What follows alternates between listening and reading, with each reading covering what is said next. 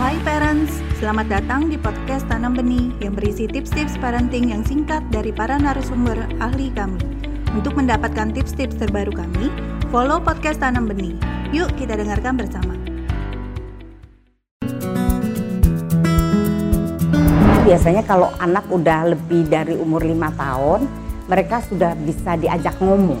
Memang orang tua kadang-kadang suka bereaksi terhadap sesuatu terlalu cepat. Gak bisa nunggu. Jadi kalau ngeliat anak-anak apa langsung. Nah padahal mungkin anak-anak butuh dipanggil dulu gitu ya. Atau jangan di depan orang lah. Malu kan. Maksudnya gini loh, anak tuh punya gengsinya sendiri. Kalau dia di depan temen-temennya terus dimarahin langsung, waduh dia bukannya bisa mendengar, tapi dia marah sama orang tuanya. Barangkali mamahnya kalau melihat sesuatu dia panggil aja, sini terus dibisikin, kamu jangan begitu, kan temanmu jadi tersinggung misalnya. Atau waduh mama lihat kamu terhadap temenmu kok begitu. Atau jangan biarkan adikmu terlantar kalau kamu ada temen.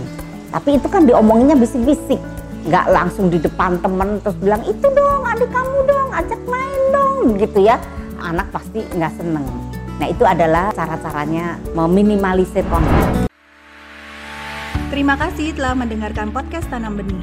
Jangan lupa follow podcast Tanam Benih. Tidak pernah ada kata terlambat loh untuk belajar.